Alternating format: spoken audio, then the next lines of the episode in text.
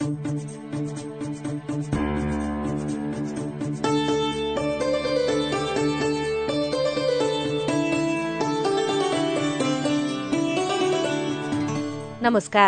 Radio कार्यक्रम साझा पहलमा तपाईँलाई हार्दिक स्वागत छ। म सुशीला श्रेष्ठ। अनि म अविनाश आचार्य। कार्यक्रम साझा पहल महिला लैंगिक अल्पसंख्यक अपाङ्गता भएका व्यक्ति र सीमान्तकृत समुदायमा सूचनाको पहुँच पुर्याउने उद्देश्यले तयार पारिएको कार्यक्रम हो। अहिले कोभिड उन्नाइस नियन्त्रणमा आएको जस्तो देखिएको छ तर यसले महिला तथा सीमान्तकृत वर्गमा आर्थिक सामाजिक तथा मानसिक रूपमा गहिरो प्रभाव छोडेर गएको छ। कार्यक्रममा हामी लैंगिक समानता र सामाजिक समावेशीकरण जेसीको दृष्टिकोणबाट अब आउने कोविड जस्ता महाव्याधि र विपदसँग सम्बन्धित प्रभावकारी तयारी प्रतिक्रिया र पुनः प्राप्तिको बारेमा छलफल गर्नेछौं। लैङ्गिक समानता र सामाजिक समावेशीकरण दृष्टिकोण भन्नाले हामी यस कार्यक्रममा महिला सीमान्तकृत वर्ग बालबालिका ज्येष्ठ नागरिक अपाङ्गता भएका व्यक्ति एकल महिला लैङ्गिक अल्पसंख्यक विभिन्न प्रकारका हिंसाबाट प्रभावित भएका महिला तथा किशोरी दीर्घरोगी गर्भवती तथा सुत्केरीका सवालहरूलाई प्राथमिकता दिनेछौ। सँगै लैङ्गिक हिंसा तथा जातीय विभेद मानव बेचबिखनबाट प्रभावित भएका व्यक्तिहरू सामाजिक आर्थिक तथा नागरिक अधिकारबाट वञ्चित भएका व्यक्तिहरूको भोगाई उनीहरूका अपेक्षा पुनरुत्थानका लागि सरकारवालाले के गर्न सक्छन्? विज्ञ संघको परामर्श साथै सरकारका योजना लक्षित वर्गको पहुँच र कार्यान्वयनको अवस्थाबारे खोजी गर्नेछौ। साथै कोभिडबारे फैलिएका अफवाहहरू भ्रम र गलत जानकारीलाई सम्बोधन गर्दै विज्ञसँगको सवाल जवाफ पनि प्रस्तुत गर्नेछौ र सबैको पहुँचमा आवश्यक सूचना पुर्याउने प्रयत्न गर्नेछौं। युएन ओमनको सहयोगमा ल्याक नेपाल र अकोराबको साझेदारीमा उत्पादन गरिएको रेडियो कार्यक्रम साझा पहल सीआईएन मार्फत सामुदायिक रेडियोबाट देशैभरि सीआईएन खबर डट कम र मोबाइल एप सीआईएनमा पनि चाहेको बेला तपाई विश्वभरि नै सुन्न सक्नुहुन्छ। साथै सीआईएनको फेसबुक पेजमा गएर सांकेतिक भाषामा हेर्न पनि सक्नुहुनेछ। कार्यक्रम साझा पहलमा आज विपदको समयमा अपनाउनु पर्ने तयारी र विपदका समयमा स्थानीय निकायबाट उपलब्ध भएका सेवा सुविधामा विपद प्रभावित महिला दलित महिला अपाङ्गता भएका व्यक्ति र सीमान्तकृत समुदायको पहुँचको सवालमा छलफल गर्नेछौ। साथै यही अन्तर्गत आर्थिक रूपमा पुनः प्राप्तिका लागि आवश्यक सिप स्रोत साधन र आर्थिक समावेशीकरण सम्बन्धी सवाललाई पनि समेट्नेछौं। कार्यक्रम साझा पहलको सोह्रौं भागमा आज हामी स्थानीय सरकारले विपदका समयमा जोखिम कम गर्न अपनाइरहेको तयारी ती तयारीको कार्यान्वयन र अबको योजना के? विपद आएको खण्डमा अब उद्धार गर्नु पर्यो राहत उपलब्ध गराउनु पर्यो बजेटबाट नै हामीले उपलब्ध गराइरहेका छौँ। विपदका समयमा स्थानीय निकाय मार्फत उपलब्ध गराइने सेवा सुविधामा विपद प्रभावित महिला अपाङ्गता भएका व्यक्ति लगायत सीमान्तकृत समुदायको पहुँचको अवस्था के छ? विपद प्रभावित सीमान्तकृत समुदायको भोगाई। भाँडा साँडा बाल्टीहरू सबै बगाएको। अहिले पनि पकाएर खाने भाँडा सबै बगाइदियो। पोहोर साल त अब पन्ध्र हजार पैसा दिएको के अरे सबैलाई। अरू अर्कै लैङ्गिक तथा सामाजिक समावेशीकरण दृष्टिकोण।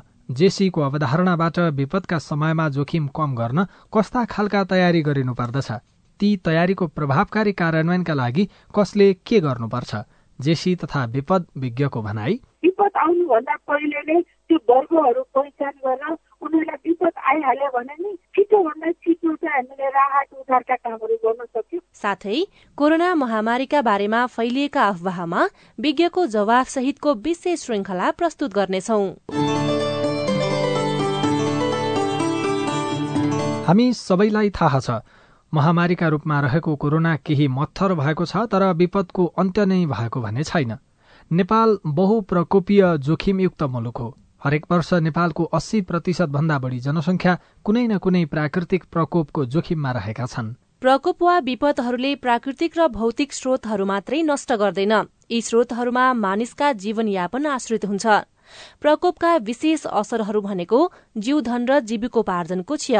खास गरी महिला बालबालिका ज्येष्ठ नागरिकहरू गर्भवती लगायत आर्थिक रूपले विपन्न परिवार बढ़ी प्रभावित हुने गरेका छन्। साना किसानहरू ज्याला मजदूरी गरेर जीवन निर्वाह गर्ने व्यक्ति तथा समुदायहरू प्रकोपका कारण सम्पत्ति तथा रोजगारीका अवसरहरू दुवै गुमाएर अझ बढ़ी प्रभावित हुने गर्दछन्। यसका लागि विपद नै हुन नदिन अथवा विपदबाट हुने जोखिम कम गर्न प्रकोप रोकथाम र न्यूनीकरण क्रियाकलापहरू गर्न सकिन्छ। भने विपद आइहाले विपदका समयमा हुने क्षति न्यूनीकरण गर्न समेत योजना निर्माण गरी तयारी गर्न सकिन्छ।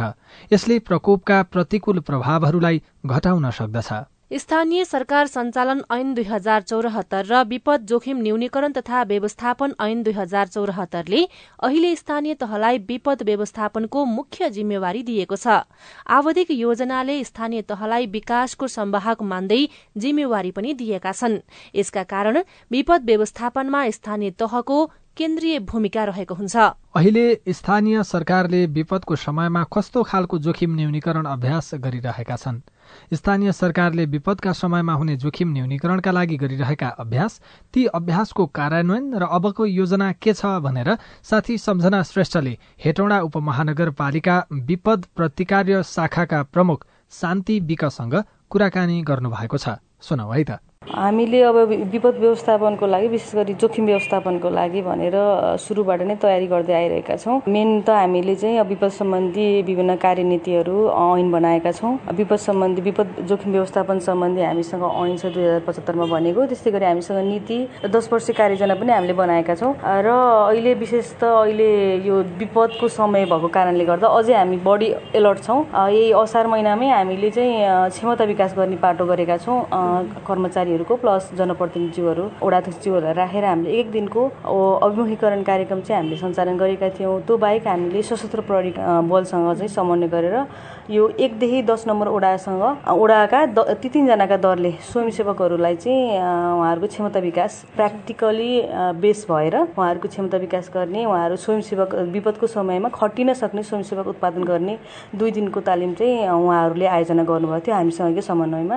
यसरी हामीले गरिरहेका छौँ। हेटौँडा उपमहानगरपालिकाको तिनवटा ओडाहरूमा पनि तिनवटा चाहिँ हामीले क्याटेगोराइज गरेका छौँ। एउटा सहरी ओडा अर्ध सहरी र ग्रामीण ओडा भनेर होइन ग्रामीण क्षेत्र भनेर। ग्रामीण क्षेत्रमा पढ्ने विशेष गरी अठार उन्नाइस होइन अब त्यहाँ चाहिँ अब बाढी पहिरोको सम्भावना हुने भयो र पाँच नम्बर ओडा चाहिँ अलिक प्रायः जसो धेरै डुबानमा पर्ने भएको कारणले त्यसको त्यहाँ चाहिँ अलिकति डुबानको बाढीको रिक्स भएको चाहिँ ओडा चाहिँ त्यो पर्छ हेटौँडा उपमहानगरपालिकाले चाहिँ विपद प्रतिकार्य गरिरहँदा के कस्ता पाठ सिकेको छ। अहिलेसम्म यो आर्थिक वर्षमा हामीलाई त्यस्तो ठुलो विपद जस्तै बाढी पहिरोकै ठुलो विपद आइपरेको अवस्था त छैन होइन? नआए पनि अब हामी चाहिँ एलर्ट चाहिँ रहनै पर्छ। तर पनि पहिला अब चैततिर भनौँ न अब विभिन्न आगलागीका घटनाहरू भए ती पनि अब विपदकै घटना भनौँ होइन? आगलागी घटनाहरू हुँदाखेरि धेरै जसो समयमा अब हामीसँग दुईवटा दमकल रहेको छ र हामीसँग बाह्र यन्त्र उपशाखा छ जसमा चाहिँ हाम्रो कर्मचारीहरू छन् बाह्रजना होइन? उहाँहरू चाहिँ अब चौबिसै घन्टा खटिनुहुन्छ।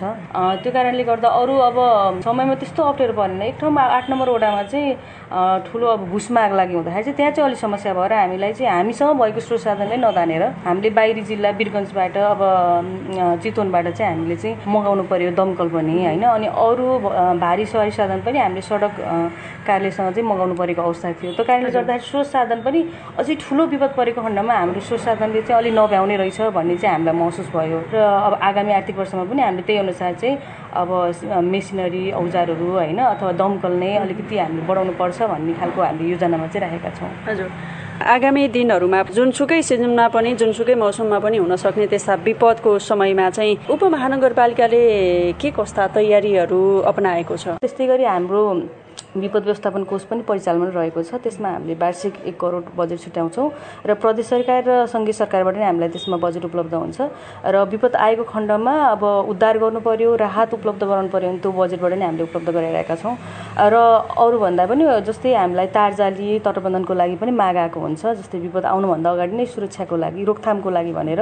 र त्यो बजेटबाट हामीले तारजाली तटबन्धनको लागि पनि हामीले चाहिँ माग अनुसार उहाँहरूलाई चाहिँ बजेट उपलब्ध गराइरहेका छौँ। त्यस्तै गरी हामीसँग विपदकै लागि भनेर हामीले केही सामग्रीहरू जस्तै एकदम विपद आवश्यक परिहाल्यो भने चाहिँ अब त्यतिखेर हामीले सामान किन्न भन्दा पनि पहिल्यै सामान किनेर के के आवश्यक पर्न सक्छ त्यो विपदको समयमा? त्यो सामानहरू चाहिँ हामीले चाहिँ खरिद गरिराखेका छौँ स्टकमा छ तर आएको खण्डमा हामीले त्यो परिचालन गर्छौँ। हामीले तयारी त अब गरिरहेकै छौँ होइन? सामग्रीहरू स्टकमा राख्ने आवश्यक सामग्रीहरू जस्तै गरी कर्मचारीहरूलाई पनि त्यही अनुसार चाहिँ अलर्ट गराउने क्षमता विकास गर्ने ओडाहरूमा पनि हामीले ओडा अध्यक्षज्यूहरूसँग पनि अब विपद सम्बन्धमा चाहिँ बजेटहरू विनियोजन गर्न लगाउने प्लस उहाँहरूलाई आवश्यक परेको खण्डमा चाहिँ यहाँ नगर स्तरीय हाम्रो विपद व्यवस्थापन समिति छ होइन?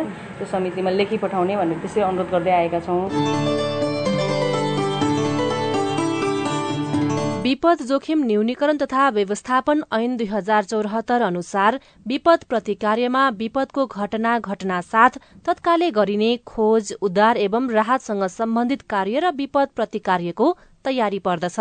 विपदका समयमा विपद प्रभावितहरूलाई सुरक्षित स्थानमा सार्ने अप्ठ्यारोमा परेका वा फँसेकाहरूलाई उद्धार गर्ने उचित खानपान र सुरक्षित बसोबासको व्यवस्था गर्नुपर्ने लगायत कार्यहरू हुन्छन्। विपदका समयमा स्थानीय सरकारबाट सञ्चालन गरिने ती सेवा उद्धार तथा खोज कार्य र सुविधाहरूमा महिला सीमान्तकृत समुदाय लगायत अपाङ्गता भएका व्यक्ति गर्भवती सुत्केरी बालबालिकाहरूलाई प्राथमिकतामा राखेर सेवा उपलब्ध गराइनु पर्दछ।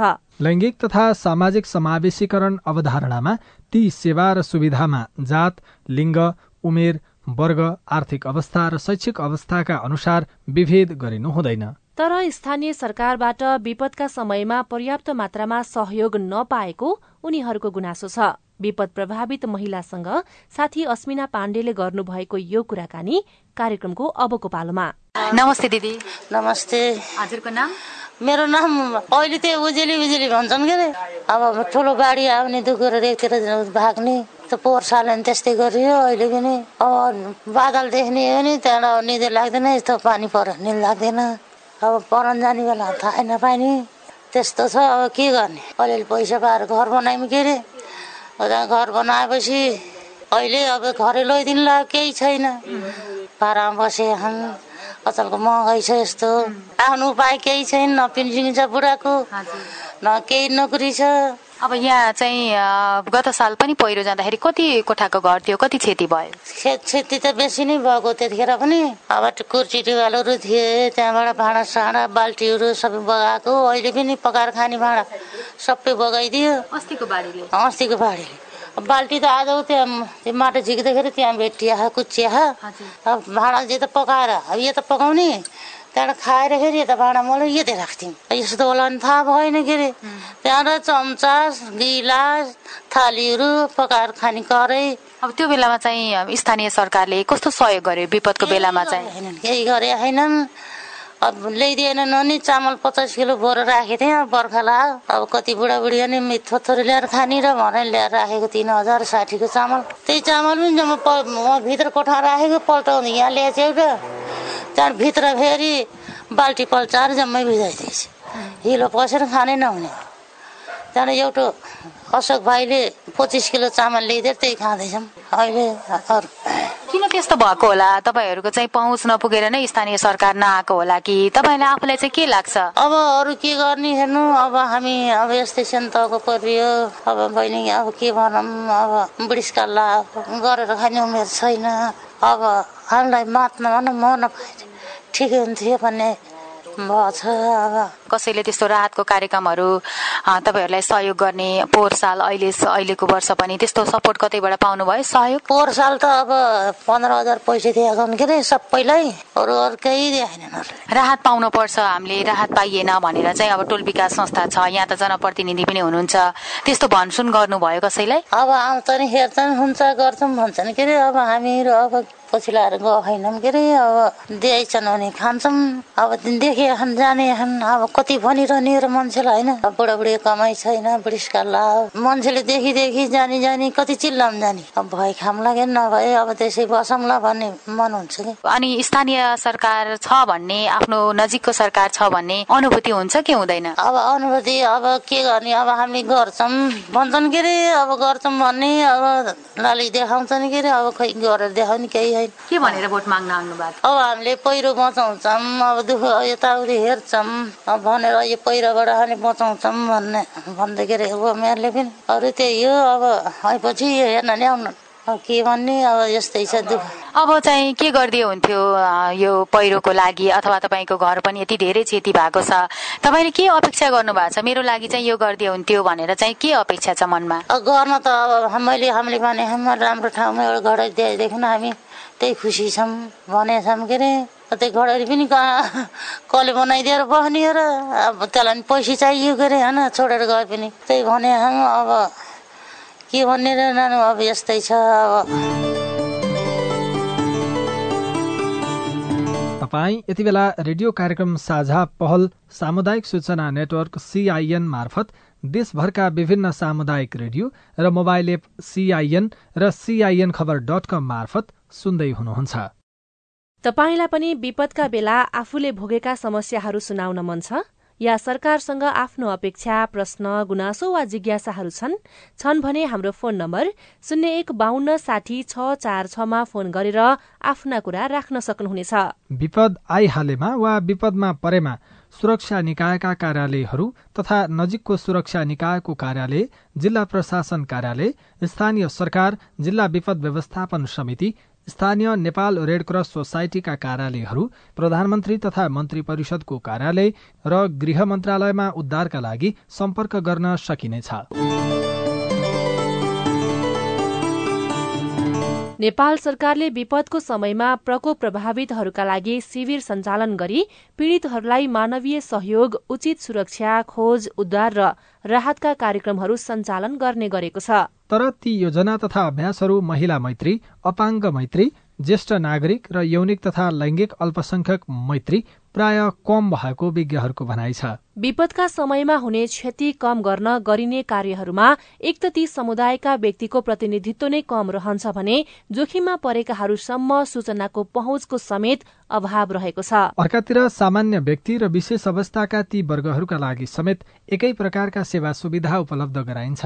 विपदमा परेका महिला सुत्केरी गर्भवती अपाङ्गता भएका व्यक्ति यौनिक तथा लैङ्गिक अल्पसंख्यकहरूलाई समेत एकै स्थानमा उस्तै बासको व्यवस्था गर्ने गरिएको छ भने विशेष अवस्थामा महिलाहरूलाई उपलब्ध हुनुपर्ने खानपान पनि उपलब्ध भइरहेको छैन। यद्यपि केही स्थानमा भने यो भन्दा फरक अभ्यासहरू नभएको भने होइन। विपदमा परेका महिलाहरूको महिनावारी समयलाई ख्याल गर्दै केही पालिकाहरूले सेनिटरी प्याडको व्यवस्थासम्म गरेको पाइन्छ।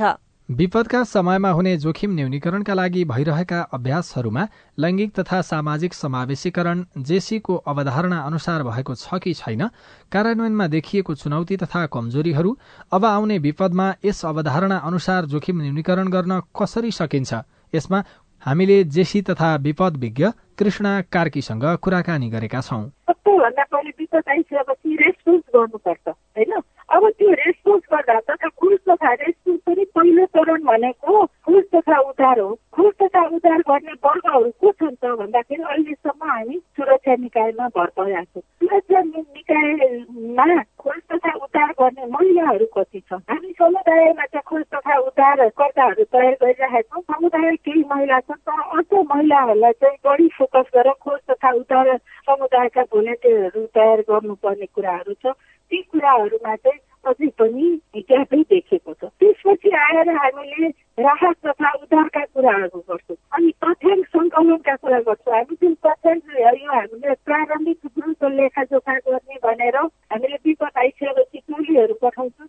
त्यो टोलीमा चाहिँ एसेसमेन्ट गर्न जाँदा महिला छन् कि छैनन्। महिलाहरू भयो भने कतिपय हामीले एसेसमेन्ट गर्न जाँदा महिलाका कुराहरू आउँदैनन्। एकजना पुरुष गएर तिमीलाई चाहिँ कस्तो कस्तो समस्या छ भने महिलाले हाम्रो संरचना हाम्रो संस्कृति हाम्रो पहिलेदेखिको हाम्रो भनौँ न हाम्रो संस्कारले कतिपय कुरा चाहिँ महिलाहरूले अहिले पनि पढे लेखेका मान्छेहरू त कतिपय कुरा पुरुषको अगाडि ढक फुकाएर बोल्न सक्दैनौँ कतिपय कुरा राख्न अप्ठ्यारो मान्छौँ भने। त्यो दूर दराज गाउँमा चाहिँ डिफल्ट भएका समुदायहरूमा चाहिँ कतिपय कुराहरू उहाँहरूले राख्न सक्ने त्यसैले यो एसेसमेन्टमा पनि त्यो महिलाहरू पनि हुँदैनन् एउटा कुरा। अर्को एसेसमेन्ट भइसकेपछि पनि कुराहरू चाहिँ त्यो वर्गका कुराहरू यो देशी फोकस हुन्छ नि लैङ्गिक समानता सामाजिक समावेशिता कुराहरूलाई चाहिँ फोकस गरेर सूचनामै छुट भएको हुन्छ। र अनि आइसकेको सूचना चाहिँ हामी यो खण्डितकै सूचना आउँदैन कि हामी भन्छौँ नि डिसएग्रिगेटेड इन्फर्मेसन चाहियो भन्छौँ। त्यो डिसएग्रिगेटेड इन्फर्मेसन आएको हुँदैन। किनभने आइसकेको सूचनालाई नै राम्रोसँग विश्लेषण गर्दाखेरि यो जेसीको एङ्गलबाट विश्लेषण हुनुपर्छ। विश्लेषण नभएपछि के हुन्छ? त्यसपछि हाम्रो राहतका कुरा अनि यो राहत वितरणका कुरा अनि विभिन्न भाइलेन्सका कुराहरू होला सेल्फ म्यानेजमेन्टका कुराहरू होला अनि त्यसपछि रिकभरीका कुराहरू हुन्छन्। ती कुराहरूमा चाहिँ सूचनादेखि नै हाम्रो ग्याप हुँदै हुँदै हुँदै हुँदै नीतिगतदेखि नै हाम्रो नीतिमा सबै छ। तर त्यसको कार्यान्वयन नहुँदा त्यहाँ हुँदा नहुँदै गएर तल पनि ग्याप हुन्छ। यसको कार्यान्वयनको लागि मुख्य चुनौती चाहिँ के देख्नु भएको छ यहाँले? सबैभन्दा ठुलो अब चुनौती भन्दा नि पोलिटिकल विलिङनेस इच्छा शक्ति चाहियो कि? मेरो नगरपालिका अथवा गाउँपालिकामा त्यहाँ चाहिँ त्यहाँको कार्य समिति त्यहाँको परिषद त्यहाँको लिड लिड गर्ने नेतृत्व वर्गले के सोच्नु पर्यो भने यो विपदको बेलामा सबैभन्दा जोखिमपूर्ण समुदाय भनेको यिनै हुन्। महिला हुन् महिलामा को हुन्छ?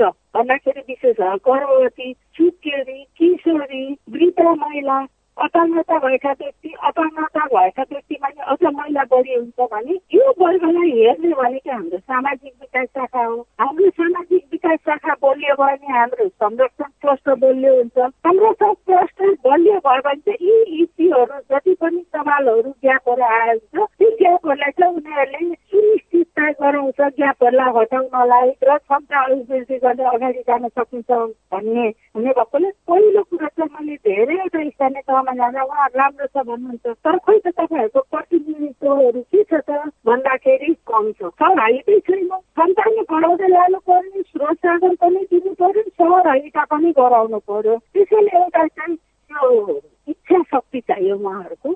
अर्को स्रोत साधन पनि एउटा चुनौती छ। उहाँहरू सबैजना चाहिने जति आवश्यक जनशक्ति नै दिएको छैन। अनि त्यो जनशक्ति अनुसारको चाहिने अरू सुविधाहरू पूर्वाधारका कुराहरू उहाँहरूलाई चाहिने काम गर्नलाई त चाहियो नि। त्यसै अनुसारका अरू पूर्वाधारहरू ती कुराहरू चाहिँ चाहियो। ती दुईवटा कुराहरू चाहियो अबको बाटो चाहिँ तपाईँले के देख्नुहुन्छ? विशेष गरी अहिले विपदकै समयमा हामी मनसुनको समयमा छौँ जति बेला जुन समय पनि विपद आउन सक्ने सम्भावना रहन्छ। यस्तो अवस्थामा चाहिँ जेसीको दृष्टिकोणबाट प्रतिकार्य गर्न स्थानीय सरकारले के कदम चाल्नु पर्ला? अब सुत्केरी त्यो यदि त्यहाँ चाहिँ बाढी आउने अथवा पहिरो जाने छ भने त्यहाँको सूचना आउनु पर्यो त्यहाँ चाहिँ कतिजना गर्भवती महिला छन् कतिजना सुत्केरी महिला छन् कतिजना चाहिँ अति वृद्ध छन् रोगी दीर्घ रोगीहरू छन् बालबालिका कति छन् अपाङ्गता भएका। सूचना चाहिँ पहिले नै ल्याएर अहिले जुन एन्टिसिपेटरी एक्सन भन्छौँ नि विपद आउनुभन्दा पहिले नै त्यो वर्गहरू पहिचान गरेर उनीहरूलाई विपद आइहाल्यो भने नि छिटोभन्दा छिटो चाहिँ हामीले राहत उद्धारका कामहरू गर्न सक्यौँ। एन्टिसिपेटरी एक्सनमा चाहिँ जानुपर्छ। एन्टिसिपेटरी एक्सनमा गइसकेपछि विपदले पार्ने असर चाहिँ एकदमै कम।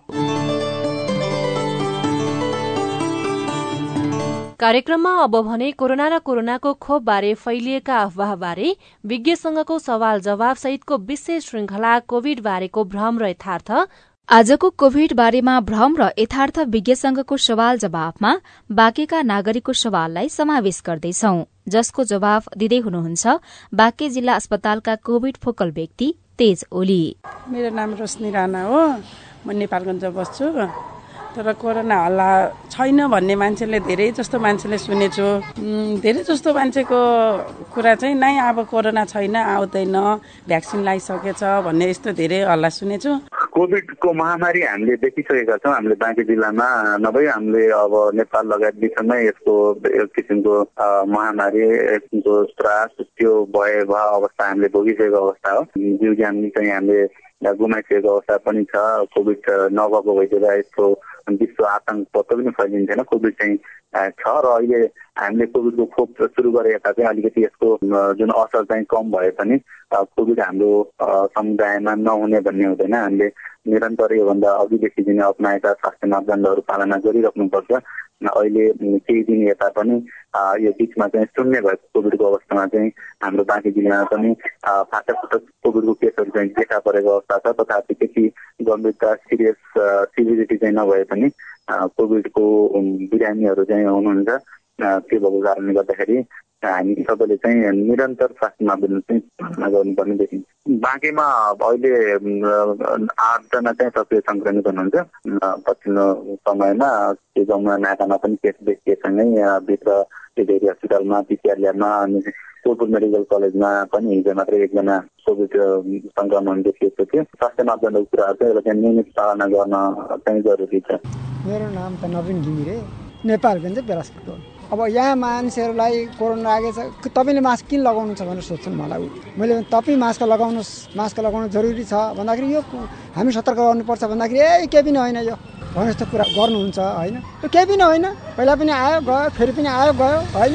अब मर्ने त मरेकै थियो नि। पहिला नि मर्थ्यो अलिअलि मर्थ्यो। कोरोनाले मरेका हुन् त्यसले मरेको। मर्न मर्नै पर्छ झन् यसो मर्ने हो भने जस्तो गरेर त्यसलाई कुनै प्रकारको त्यसको लागि धेरै तर यहाँ चाहिँ त्यो मापदण्ड आफ्नो आप देखिनु मैले लगाउने बित्तिकै कोरोना नै लाग्दैन भन्ने चाहिँ होइन। कोरोना लाग्न सक्छ हामीले चाहिँ यो लाग्ने सम्भावना केही हदसम्म कम हुन्छ। तर हामीले विशेष गरी ध्यान दिनुपर्ने कुरा के हो भने कोभिडको खोप लगाइसकेपछि कोभिडले जुन हामीलाई जुन असर जुन गम्भीरता जुन सिभिरिटी बनाउँछ त्यो चाहिँ कम हुन्छ। हामी कोभिडको खोप लगाइसकेका व्यक्तिहरू धेरै हामीले योभन्दा अगाडि पनि हेऱ्यौँ। अस्पतालमा भर्ना हुने दर एकदम कम भर्ना हुनु नपर्ने घरमै हामीले सामान्य होम आइसोलेसनमा बसेर पनि यो निको हुने अवस्था चाहिँ हामीले देख्यौँ होइन? योभन्दा अगाडि चाहिँ त्यस्तो समस्या धेरै केसहरूलाई चाहिँ कोभिड सङ्क्रमण भइसकेपछि अस्पतालमा नै भर्ना गर्नुपर्ने अक्सिजन दिनुपर्ने त्यो समस्या थियो भने खोप पश्चात चाहिँ त्यसले धेरै चाहिँ सहयोग गरेको छ धेरै प्रभावकारी देखिएको छ कोभिडको खोप। तपाई जुनसुकै बेला हाम्रो आइभीआर नम्बर शून्य एक बान्न साठी छ चार छमा कोभिडको बारेमा कुनै जिज्ञासा अफवाह वा भ्रम बारेका सवाल रेकर्ड गर्न सक्नुहुनेछ। हामी विज्ञ वा सरकारवालासँग सोध्नेछौं। यो सँगै अब हामी कार्यक्रमको अन्त्यमा आइपुगेका छौं। आजको कार्यक्रम साझा पहलमा हामीले विपदको समयमा अपनाउनु पर्ने तयारी र विपदका समयमा स्थानीय निकायबाट उपलब्ध भएका सेवा सुविधामा विपद प्रभावित महिला दलित महिला अपाङ्गता भएका व्यक्ति र सीमान्तकृत समुदायको पहुँच सवालमा छलफल गर्यौं समुदायमा आधारित विपद व्यवस्थापन सम्बन्धी कार्यक्रमको सञ्चालनको नेतृत्व स्थानीय तहले गरिरहेको छ। विपद प्रतिकारका लागि आपतकालीन नमुना अभ्यास गर्ने गराउने विपद प्रभावित क्षेत्रमा उद्धार तथा राहतको व्यवस्था गर्ने स्थानीय तहमा विपद व्यवस्थापन सूचना प्रणाली तथा पूर्व चेतावनी प्रणालीको विकास र सञ्चालन गर्ने गराउने विपद व्यवस्थापनका लागि संघ प्रदेश र स्थानीय समुदाय संघ संस्था तथा निजी क्षेत्रसँग सहयोग समन्वय र सहकार्य स्थानीय सरकारले गर्नुपर्दछ। तर त्यसका लागि प्रभावकारी तयारीमा जुट्नुपर्ने देखिएको छ। कार्यक्रम साझा पहलको आजको अङ्कबाट भने विदा लिने समय भएको छ। तपाईँलाई तपाईँको पालिका वा सरकारवालासँग केही सोध्न भन्न जान्न बुझ्न अथवा समस्या सुनाउन मन छ? छ भने हामीलाई सम्पर्क गर्न सक्नुहुनेछ। केही प्रश्न प्रतिक्रिया र टिप्पणी छन् भने हाम्रो टेलिफोन नम्बर शून्य एक बान्न साठी छ चार छमा फोन गरेर आफ्नो कुरा रेकर्ड गराउन सक्नुहुनेछ।